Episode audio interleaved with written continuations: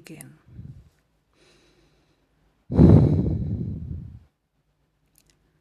I was extremely drained yesterday.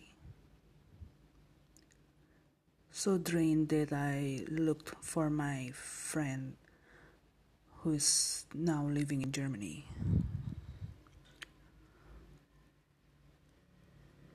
Along the way, you know why I mentioned this.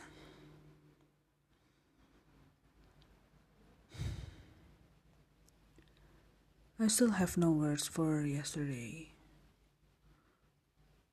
Today was also tiring, but not as exhausted as yesterday, but still tiring. And I got headache now.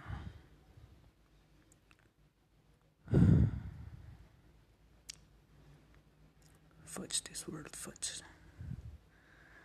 But today is Holger's birthday. Hmm? Alles Gute Schatz. Mukdi. Immer bei dir. I still wish whenever I exhale, my stress would go away.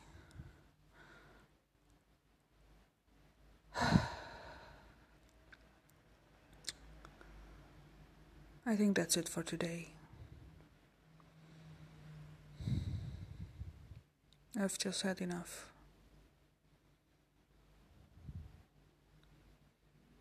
Well, um, I'm waiting for the match to be over.